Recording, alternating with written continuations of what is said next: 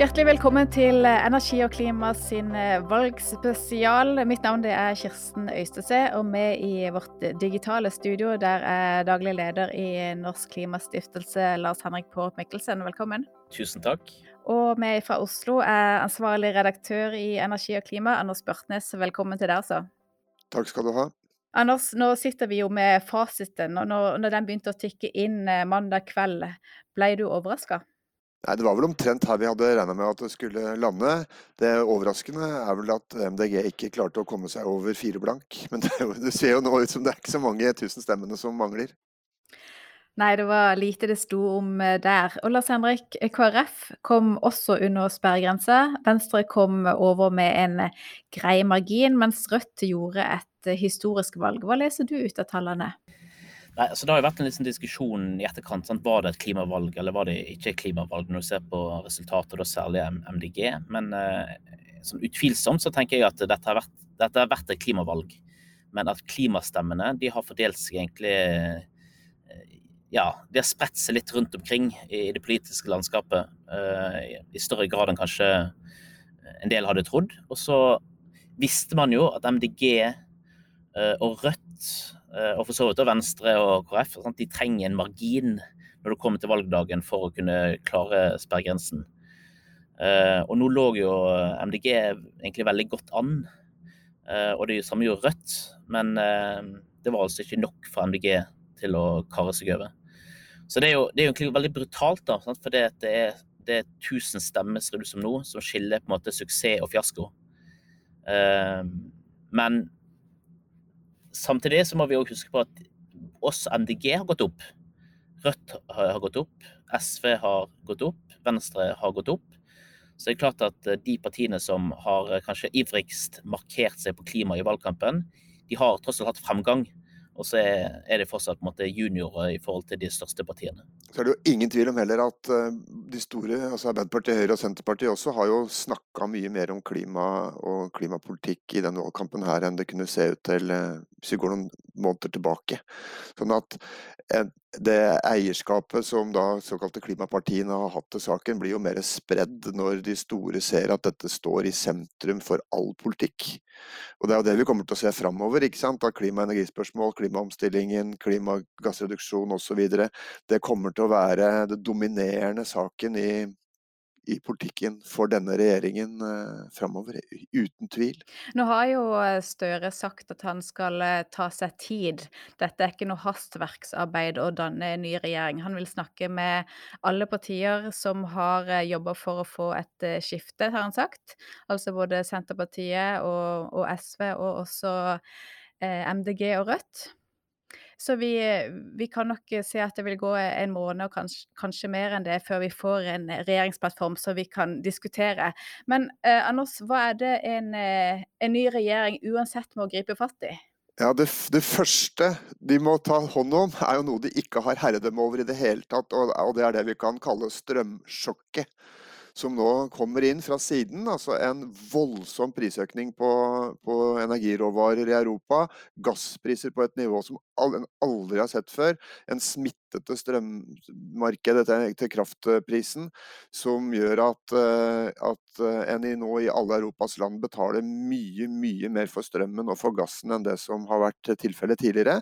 Dette slår ut også i Norge, fordi at vi er kobla sammen med, med andre land gjennom kabler og CO2-marked og råvarepriser. Og, og, denne saken her tror jeg har, en sånn, har, en, eh, har noen dimensjoner ved seg som gjør som, eh, som, en ny regjering må ta tak i umiddelbart den tiltrår, og være godt forberedt på å, å, å møte. Ja, hva, mener med, hva, mener du med, å ta tak i? Altså, Hvilket spillerom har man her? Dette er jo markedsstyrt. Ja, det er, det er, markedsstyrt, men samtidig så skjer det altså nå en overføring av verdier fra forbrukere, alle slags forbrukere, store og små, til produsenter i massiv skala. Det er milliarder av kroner i, i uka som nå går fra, fra, forbrukeres hender og over på produsenters bankkontoer. Og Norge tjener jo stort på dette her. Altså Den norske gasseksporten har jo en helt annen verdi nå enn det vi har, eh, har, har sett de, de siste åra. Men vi blir altså da eh, også som forbruker her i landet, vi møtt med høyere regninger, høyere strømregninger eh, utover vinteren. Og, og hvis ikke det blir møtt politisk, så er det i hvert fall helt sikkert at klimapolitikken og kabler og ACER og EU kommer til å få skylda for dette, og at eh, legitimiteten til et grønt skifte svekkes i befolkningen. Og det, det, det har ikke denne klimasaken råd til, verken i Norge eller i andre land. sånn her må, må politikerne, tror jeg, eh, gå til ganske drastiske tiltak for å, for å hindre at regninga blir for stor til folk. Altså, hvis du ser nå på på det som skrives i, i britisk presse f.eks., så er jo de engstelige der nå for at uh, du får altså energifattigdom og kalde, kalde leiligheter gjennom vinteren. I Spania har allerede myndighetene bestemt seg for å betale tilbake penger. Eh, altså ta penger fra kraftselskapene og dele ut til folk. Dette blir en kjempesak i vinter. Dette må de ta hånd om, og, uh, uavhengig av hva, hva de ellers uh, må håndtere. Det kan jo bli eh, betydelig nedbør, men likevel vil vi ikke få priser ned i, i null, som vi hadde eh, for, for, en liten stund tilbake igjen. Så, så høyere enn en det vi har vært vant til, i hvert fall. Det vil vi se. Men hva, hva tenker du, Lars Henrik? Er du bekymra for høye strømpriser og konsekvensene av det? Ja, altså, altså, Det er jo bare til å sjekke eh, statistikken. Jeg har en sånn app, og der ser jeg at nå, akkurat nå så betaler jeg 150 øre per kilowattime. Og det snittet for liksom i, i, vinter det var jo atskillig lavere. Og da, var det på en måte høyt. Ehm, men politisk så jo det, blir jo dette fort en diskusjon om elavgiften, som vel eh, i år gir staten sånn i overkant av 10 milliarder kroner i, i inntekter. Og, så det blir jo fort et spørsmål sånn, skal du gjøre noe med den, skal du kutte den? Um, og det kan jo være, det kan jo være argumentet for. Jeg blir ikke overraska om Solberg-regjeringen gjør noen grep der som sitter kanskje den nye regjeringen litt sånn eh, Si at Solberg-regjeringen fjerner elavgiftene sitt forslag til statsbudsjett, eller reduserer den. Så klart det, det, vil jo være et grep som vil være vanskelig å eh, si, gå vekk ifra for den nye regjeringen. Da for det, da vil det fort oppleves som eh, usosialt. Samtidig så er det en, er det en nøtt. da, Si at du hadde fjernet elavgiften, som er en viktig inntektskilde på statsbudsjettet. Så er det vanskelig kanskje å reintrodusere den hvis den er først er vekke. Så det er ikke, det er ikke rett fram hvordan du skal løse dette. Og da kan det jo være at du, en løsning aller sånn som i Spania, da, der du sier at OK, nå fram til en tidsavgrensa løsning, der du på en måte gir eh, noen lettelser til folk, at det kan være veien å gå. Men at dette blir et stort tema, det tror jeg, eh, det tror jeg definitivt. Og så er jo det spørsmålet for regjeringen, da, hvordan skal du hensynta det veldig sånn kortsiktige opp mot det langsiktige. For her kommer det jo helt andre Altså her må man på en måte være på fra dag én hvis man skal nå klimamålene. Det langsiktige handler jo om å gjøre ting som vi vet hva er. ikke sant? Det handler om å bygge mer fornybar energi. Det handler om å, å gjøre mer energieffektivisering osv. som vil stå på denne nye regjeringens dagsorden uansett. Men ingenting av det vil jo virke akutt. Det som er akutt, eller vil oppleves som akutt, er, jo strømregninger på 2000-3000 kroner mer i måneden enn folk er vant med.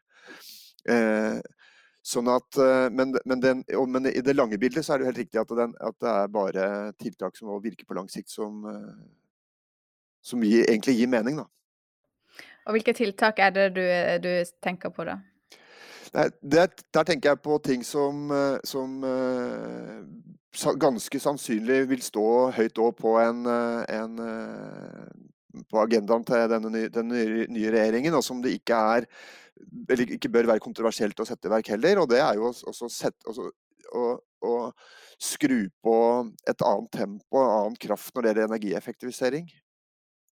Det har vært ønska fra mange. Det vil være ganske enkelt å gjøre det. Det er penger i systemet. Det kan lages noen nye gulrøtter, og så kan du få til en del energieffektiviseringstiltak eh, som virker, da, som tar ned folks regning, og som samtidig innebærer at du ikke behøver å bygge ut like, riktig like mye fornybar energi eh, for å nå et visst eh, produksjonsvolum. Så, og det, det er, da er vi på en måte over på hva vi kan forvente av den nye regjeringens eh, politikk på klima- og energifeltet. Og det tror jeg er en av de tingene som helt klart kommer, det er mer satsing langs den aksen.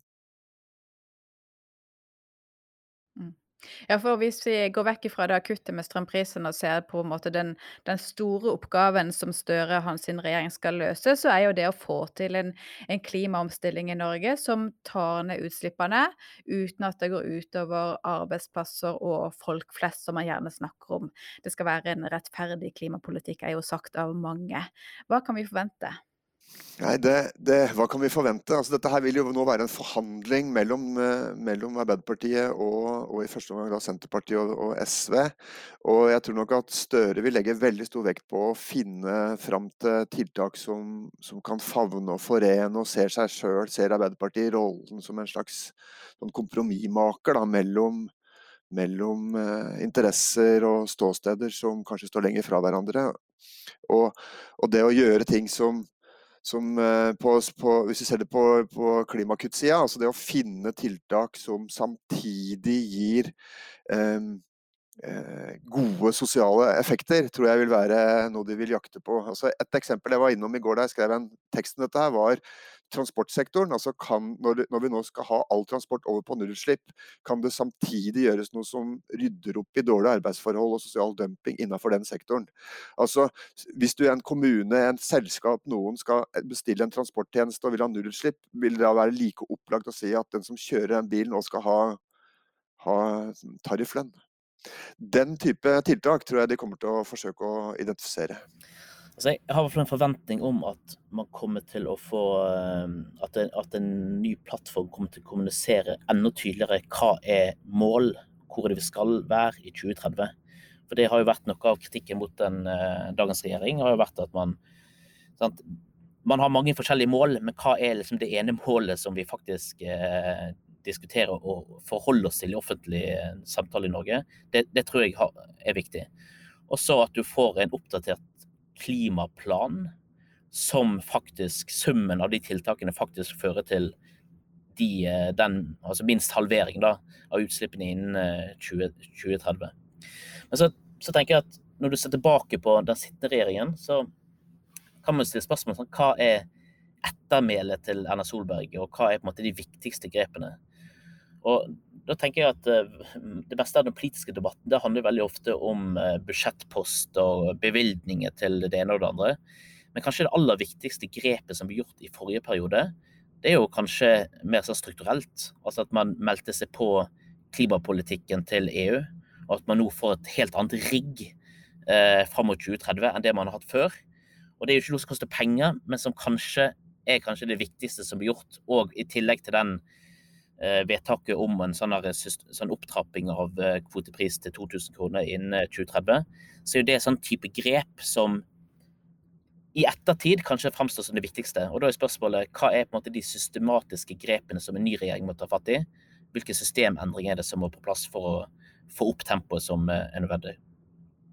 Der er det jo interessant det med, med tempo, at, eh, at, og særlig transportsektoren kanskje, da, at vi er nødt til å ha en mye raskere innfasing av elbiler og, og, elektrisk transport enn det som vi har sett for oss, hvis vi skal klare å henge med på dette her. Og, og, men en, en, litt artig ting òg, eh, en paradoksal ting knytta til den EU-avtalen, er jo det at det partiet som da er mest innstilt på å bruke fleksibiliteten som ligger i den avtalen, med kvotehandel osv., det er jo Senterpartiet. Så De andre er jo de som da har et mer positivt grunnleggende syn på europeisk samarbeid. De er jo da mer skeptiske til å bruke den fleksibiliteten i dette regimet enn det Senterpartiet er. Så, og, og, men samtidig så tror jeg nok at mye av det som kommer til å bli veldig vanskelig for, for de å håndtere, det er knytta til Europa på en eller annen måte. Altså hva, hva slags, Hvordan skal vi forholde oss til, eh, til en Fit for 55? Hva, hva slags eh, regime skal vi, skal vi, lage når det gjelder offshore vindkraft osv. Det kommer til å bli vanskelig å bli enige om, men samtidig, hvis det er vilje, så tror jeg at eh, eh, de klarer, de tre, Arbeiderpartiet, Senterpartiet og SV, å finne fram til felles politikk på de områdene her som kan stå seg. Er ikke det EU-toget på en måte gått såpass langt at det er vanskelig å se for seg at man, man bryter helt med den klimaavtalen som Norge har med EU? Jo, det tror jeg er helt urealistisk, men det vil jo være mange saker som uh, hvor dette dukker opp. Og i den, si, den politiske diskusjonen som nå pågår, så er jo og rundt ACER og, og, sånne ting, så er jo det en uh, ganske betydelig kraft i, i den norske politiske debatten. Eh, eh, altså organisasjoner, krefter, som ønsker å reversere denne, denne europakoblingen. Ja, og listen over på en måte forordning og direktiv som kommer til å komme i kjølvannet av at EU oppjusterer sine mål og hever ambisjoner, den listen ganske, den blir ganske lang utover det, altså det neste tiåret. Og det kan jo fort bli en sånn I verste fall sånn, så blir liksom hvert eneste forslag blir liksom en kamp. Og det må vi bare håpe ikke skjer, da. At, uh, at uh, håper jeg, den tilknytningen, at den uh, står man fast ved. At det ikke liksom Det blir omkamp og omkamp, for da tror jeg fort at vi bruker kreftene feil. Dette her handler jo om at denne delen av politikken den har de ikke full kontroll på. Det, det, det, kan dukke opp ting i, i, fra EU-systemet, fra Brussel her, som, som, er veldig krevende å håndtere, og som de ikke, har, ikke kan kontrollere på hjemmebane. Da. Mens andre deler av klimapolitikken jo er jeg, helnorsk. Eh, og hvis vi da beveger oss over i, i spørsmålet om oljeutvinning og oljens plass og en ny oljepolitikk og sånn, så er jo det noe som bestemmes eh, fullt og helt her i landet, hvordan den skal se ut. Det er ikke noe, er ikke noe direktiv eller noe regelverk som kommer utenfra som påvirker det. Så det er jo mer en, en eh, norsk forhandling, da, hvordan den kommer til å se ut. Og det blir jo veldig spennende å se nå hva slags, hva slags ny oljepolitikk som kommer ut av en, en regjeringserklæring. Men nå snakker vi jo veldig ut ifra at det blir en trepartiregjering, da. Og hvis, altså går det an, altså er, vi, er vi sikre på at det, det, skjer? Nei, det er vi ikke. Men, men er, altså fra Arbeiderpartiets side så tror jeg det er helt opplagt at de vil være tjent med det. Fra, og SV vil jo, må, vil jo måtte vurdere om det er riktig å stå utafor eller ikke, men det er samtidig veldig sterke drivkrefter her, tror jeg, for at en vil se, det, se seg tjent med å gå inn. Og så er Senterpartiet er jo kanskje en litt annen posisjon, men, men, det er jo heller ikke sikkert at Senterpartiet vil få flertall for saker som er veldig viktige med Senterpartiøyne i en situasjon der de går til Stortinget i, i mindretall. Altså, ta rovdyrpolitikken som et eksempel. Da. Jeg har vondt for å se for meg at liksom Sandra Bruflot og Tina Bru og disse her eh, yngre Høyre-representantene vil være veldig ivrige på å øke ulvejakta. Eh, i, i, en, i, en, situasjon der, der Senterpartiet da går i, går i, Stortinget med en, en rovdyrpolitikk som vil være, vil være mindre prega av vern da, enn en de ville ha fått det i en regjering med SV. Men akkurat der på Senterpartiet syns jeg kanskje litt sånn vanskelig å, å få tak i hva er til sjuende og sist, hva blir de viktigste prioriteringene for det partiet? Det, det, er litt mer uklart. For SV så er det tydelig at sånn, på klimafeltet så er de nødt til å få noe igjen. Eh, de skal òg kunne stå oppreist liksom, overfor en opposisjon som kommer til å presse dem, med Venstre, MDG og, og mange spørsmål og Rødt. Eh, så det er klart at hva skal være liksom det som SV får igjen, og som skal være nok for at de sier at yes, vi tar belastningen. Det, det vil være å gå inn i en regjering. Jeg vet ikke, På oljepolitikk må de få et eller annet, og så må de òg få et eller annet som eh, på, på måte klimafeltet for øvrig. Og det bør, det bør jo være av en viss størrelse, da, tenker jeg. Ja, men det er også noe med å ha hånd på rattet. Det å sitte i regjering, det å ha ansvar for departementer, det å kunne styre politikken, det gir jo en helt annen innflytelse hvis du kommer inn i den posisjonen enn hvis du står utafor. Og det er nok eh, mange i SV som kan tenke seg å komme tilbake i, i posisjoner der de har, eh, har mer, mer makt, eller har den makta som det innebærer å sitte, sitte i regjeringsapparatet. Og det vil jo være den driver for Senterpartiet, naturligvis, til å og kanskje strekke seg litt i den retningen da, for, å, for, å, få de med seg på den ene sida. På den andre sida vil jo da en Arbeiderparti-Senterparti-regjering gi flere statsrådsposter til de to partiene. Selv om SV da ikke kan renne og forsyne seg så veldig tungt av det bordet med såpass begrensa oppslutning som de fikk. Men i det øyeblikket de ser ned, så tror jeg bordet fanger. For da det er, litt, det er litt som å legge inn et bud på en leilighet. Du, du har liksom da, da har du omtrent eh, flytta inn mentalt. Og det tror jeg òg eh, Hvis du først går i forhandling, at man kommer der, så da, da tror jeg dette eh, går seg til. Med mindre selvfølgelig en avstemning i SV da skulle komme fram til noe annet. Dette med oljepolitikken som vi var inne om, det er jo noe som eh, i hvert fall utenfra er det som kanskje gis mest oppmerksomhet, og som verden rundt oss følger med på. Og på forsiden av eh, danske Dagbladet Informasjon i dag så er det en blank side med teksten 'Kjære Norge, hvis ikke dere, som har et oljefond på 12 000 milliarder kroner, kan gjennomføre et raskt grønt skifte, så kan ingen. Vi venter spent på den nye regjeringens klimaplan'. Hvordan opplever man presset utenfra på å levere? Nei, det tror jeg bare blir sterkere og sterkere. Det er mange år siden det begynte å komme lederartikler i New York Times og sånn om Norge som klimahykler og, og sånne ting. Og det tror jeg vil bare bli, tilta med, med styrke eh, på, på Glasgow-toppmøtet og ellers. At en vil forvente at, at Norge gjør, gjør mer, da fordi at en er i den posisjonen Altså Norge er det landet Norge er, og en har den posisjonen en har med denne denne, eh, denne, denne, store oljeformuen. Så det er liksom to ting verden er opptatt av her i landet, eller verden bryr seg om hva, hva, hva Norge gjør, og det handler, det handler, om oljepolitikken og om oljefondet.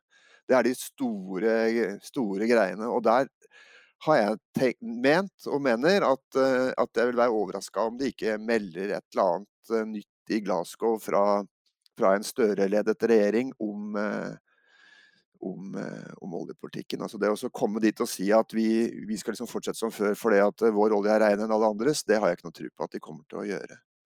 Så noe nytt, men akkurat hva er vanskelig å si. Det følger deg helt på den, Anders. Og der fikk man jo en gavepakke egentlig for dette skankeutvalget da, rett altså nå i, på tampen av valg, valgkampen, som sier at oljefondet bør stille krav nullutslipp til alle selskap man investerer i. Som vil jo være super Det er jo radikalt. Eh, og vil, kunne, og vil merkes. Og Det er jo en sånn her ting som en ny rød-grønn regjering lett kan måtte si at dette skal vi levere på. Nå gikk jo Sanner òg veldig langt i å si at dette kommer til å være en del av det nye mandatet som blir lagt fram i vår. Men her kan en rød-grønn regjering forskuttere og kanskje skinne litt i Glasgow med, med dette. Det gjorde vel Støre? Ja, Arbeiderpartiet har allerede varslet at de synes det var en god idé. Spørsmålet er vel hva Senterpartiet tenker om det? Dette tror jeg de kan hake av. Her kan Støre hake av. Og, og, da på en måte oljefondet. Ok, da har vi gjort det vi har vi levert på det. Men så er spørsmålet hva, hva med oljepolitikken, som jo er vanskeligere. Her ligger det vel et, en mulighet for et kompromiss med med å begrense noe letevirksomhet, gjør det ikke det, da? Ja, men hva, hva, hvor mye må SV ha her? Holder det med liksom en utredning og et moratorium, eller må de ha noe mer enn det? Det blir jo spennende å se. Men det, men det, som kunne skjedd, og som ikke vil ha noen sånn veldig praktisk betydning, det er å si at man slutter med de nummererte konsesjonsrundene. Si at, eh, sant, at uh, det, det, det, er i de modne områdene vi kommer til å leite. Fortsette med sånn TFO-runde, men at eh, disse 25. og 26. Og det, det blir det ingenting av. Og det, vil ikke ha så veldig stor forskjell, egentlig, for du ser at det er den veien òg selskapene går i. Og når du spør òg politikere, så det er jo det, dette Støre òg har egentlig kommunisert nå i, i, valgkampen. Men så er spørsmålet om liksom det symbolsk blir likevel liksom for, kraft, for kraftfullt. Men er det nok for SV? Ja, altså de vil, de vil, jo, møte, de vil jo møte, kritikk, da. Men, uh, men jeg tenker at det er, bare, det er i hvert fall ikke nok å bare utrede. Altså Å si at vi setter ned et utvalg som skal se på et eller annet. Det tror jeg ikke holder. OK, oljen, det blir eh, spennende. Og så er det alt det nye, da. Hvis vi skal eh, sveipe litt innom havvind og grønn skipsfart og CCS og det, de nye grønne næringene som, eh, som man ønsker å satse på. Hvilken politikk er det som det ligger an til å bli lansert der? Ja, det synes jeg er veldig vanskelig å svare på. For det de har sagt, er jo at de skal bruke, ha mer stat, mer statlige virkemidler og mer, mer statlig deltakelse. Men hva det innebærer i praktisk politikk, det synes jeg er fryktelig vanskelig å få tak på. Og det blir jo noe vi må forvente at de klarer å avklare da i en regjeringserklæring. Altså hva er det de faktisk skal gjøre som skiller seg fra den, den kursen som er ført under Erna Solberg på disse områdene, der det jo har vært eh, brukt ganske mye penger. Støtta tiltak eh, som Hywind og karbonfangst osv. med milliardbeløp. Men hva er det som skal eh, innebære både en opptrapping og en sterkere statlig hånd med dette? Det syns jeg er veldig vanskelig å, vanskelig å se helt tydelig. Så jeg har litt sånn inntrykk av at de kommer til å gå enda nærmere liksom denne Masukatu-måten å tenke på, med liksom veldig sånn Hva skal jeg si Enda sånn tydeligere definerte partnerskap med industri og, og, og politikk. Da de kanskje liksom bør ut, komme liksom uttalte mål. At det I hvert fall der jeg hører liksom Barth Eide og så liksom den retningen jeg tror de kunne komme til å gå i. da. Og for havvind så kan det bety at man settes noen produksjonsmål, f.eks. Som er litt mer ambisiøse enn det som er planen i dag, men ikke helt liksom ikke helt far off, men, eh, men i hvert fall med betydeligere på mål. Det, det, det, tror jeg fort kan skje. Ja, og Der kanskje at vi får da en, en, en, diskusjon om i hvilken grad det skal eh, tenkes industripolitikk i dette, eller om det bare er billig kraft. Skal du ha billigst mulig offshore vindkraft, så lager du en auksjon, og så kommer Ørsted og bygger ved hjelp av kinesiske vindmøller, og så får du strømmen billigere enn du ville ha gjort om du hadde gått inn i mer sånne industri... Altså, lagd avtaler med norske aktører om at vi skal gjøre dette her på, med, med, stål basert på hydrogen og resirkulerte vindmøllevinger, og, og, og at det tas med, eh, veldig mye hensyn til, til, til miljøkonsekvenser, eh, sjøfugl og, og, fiskerier. ikke sant? Altså en, en mer sånn helhetlig tilnærming til dette som både er som legger større vekt på bærekraft da, og på industriell utvikling, vil se annerledes ut enn hvis du er opptatt av å få strømmen produsert billigst mulig. Men her, her, her er det en sånn balansegang. For veldig masse argument i Norge for å bygge opp eh, havvind. Det er jo fordi vi ønsker at eh, leverandørindustrien skal få nye markeder, og vi skal på en måte bli en eksportør av eh, innenfor dette segmentet her. Eh, og Da er det sånn balanse da, mellom at vi vil gjerne slippe til eh, markedene utenfor eh, Norge, Norge og så samtidig så skal vi verne om det som skjer på norsk sokkel. Så her er det sånn, Dette må gjøres med Sånn tenker alle land. Ja, og jeg så spanske Iberdrola nå var ut, rykte ut i var det Financial Times eller en annen avis og, og, og, kritiserte USA fordi at de mente at de var for proteksjonistiske når de nå lyser ut sine havvindområder. Så her, eh, og USA er det kanskje lettere å på en måte bare ture fram, men for, for Norge så, så det er en balanse i hvert fall. da. Og jeg håper, at, jeg håper, ikke at, vi bikker helt over i den enden der vi tenker at eh, hvis vi bare på en måte lager høye nok burer rundt oss sjøl, så ordner det seg. Vi må, vi må vende oss mot verden. Helt klart, men det, vil være, men ah, det er jo ikke noe europeisk land heller som ikke passer på sine egne interesser og e-, sitt eget næringsliv i denne, den, en sånn type utbygging. Så det vil jo Danskene gjør det, hollenderne gjør det, britene gjør det, alle sammen. Og, men det er som sier, balansen. Det er den det gjelder å finne. OK. Um, er det noe vi skulle vært innom som vi ikke har vært innom? Utgangspunktet er jo litt annerledes nå enn i 25 og 29 for så vidt. At uh, nå begynner man med å diskutere om man skal gå i regjering. Uh, mens forrige runde sant, så var jo det avklart på forhånd. Og det gjør jo at uh, det er større utfallsrom, det er større usikkerhet nå enn det har vært før. Så nå er det på en måte sånn der, uh, et, et, hinder før man liksom kan begynne å diskutere politikk, politikk. Samtidig så er vi da også i en fase kanskje sånn historisk, da, hvis vi tar litt sånn løfter og prøver å løfte oss litt opp og, og ser riktig stort på det. Så, altså den, den omstillingsoperasjonen som Norge skal gjennom nå, den har, en, har noen, har noen har en størrelse, har en dimensjon, har, har et omfang som krever, krever, en evne til samarbeid, en evne til å finne løsninger på tvers, som, som, som roper etter en, eh, en regjering som, eh, som, i alle fall er, er, er klarer å, å, komme over uenigheter internt, og som samtidig kan gå til Stortinget med, med opplegg som kan få brei støtte. da. Vi skal halvere klimagassutslippene på, på ti år. Vi skal runde oljealderen med stil. Det ikke, det ikke, dette her er ikke business as usual. Det er helt andre forventninger vi må kunne stille enn det som har vært stilt før, når det handler om, eh, om evnen til å gjennomføre politikk. Og Der syns jeg det er litt sånn spennende å se hva rolle Høyre kommer til å ta i opposisjon. Sånn, kommer de til å prøve å um, være en og en del av klimaopposisjonen mot regjeringen? Eller kommer de på en måte være, velge andre områder der de skal på en måte kritisere og overby? Og For klimas del så må vi jo håpe at de òg inntar en sånn rolle med at de vil være enda mer utålmodige enn det en regjering eh, leverer. Og I så fall så, så kan man være optimist med tanke på hva dynamikk det kan skape, og hvor langt Arbeiderpartiet òg er villig til å gå, hvis de opplever at her er det òg et Høyre som, som, eh, som pusher. Og der ser vi vel da en ting med dette Stortinget, altså det er et generasjonsskifte. ikke sant? Det er mye mer yngre folk i Høyre. Så, og så har de jo mange sterke yngre politikere som kommer til å ta roller. Og vi ser òg på den helt andre kanten så kommer jo Rødt inn med en gruppe der eh, knapt noen er over 40.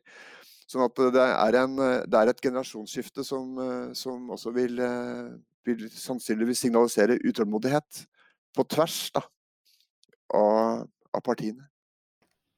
Det tror jeg vi runder av. Så får vi bare vente litt uh, tålmodige på, på, en regjeringsplattform. Det kan, uh, det kan, nok drøye noen uker før vi ser hva den, uh, hva den, faktisk inneholder. Først så skal de vel finne ut om de i det hele tatt skal sette seg ned sammen og, og bli enige. Takk for oppsummeringen, Lars Henrik Borch Mikkelsen og Anders Bjørtnes. Sjøl takk. Takk til deg, Kirsten.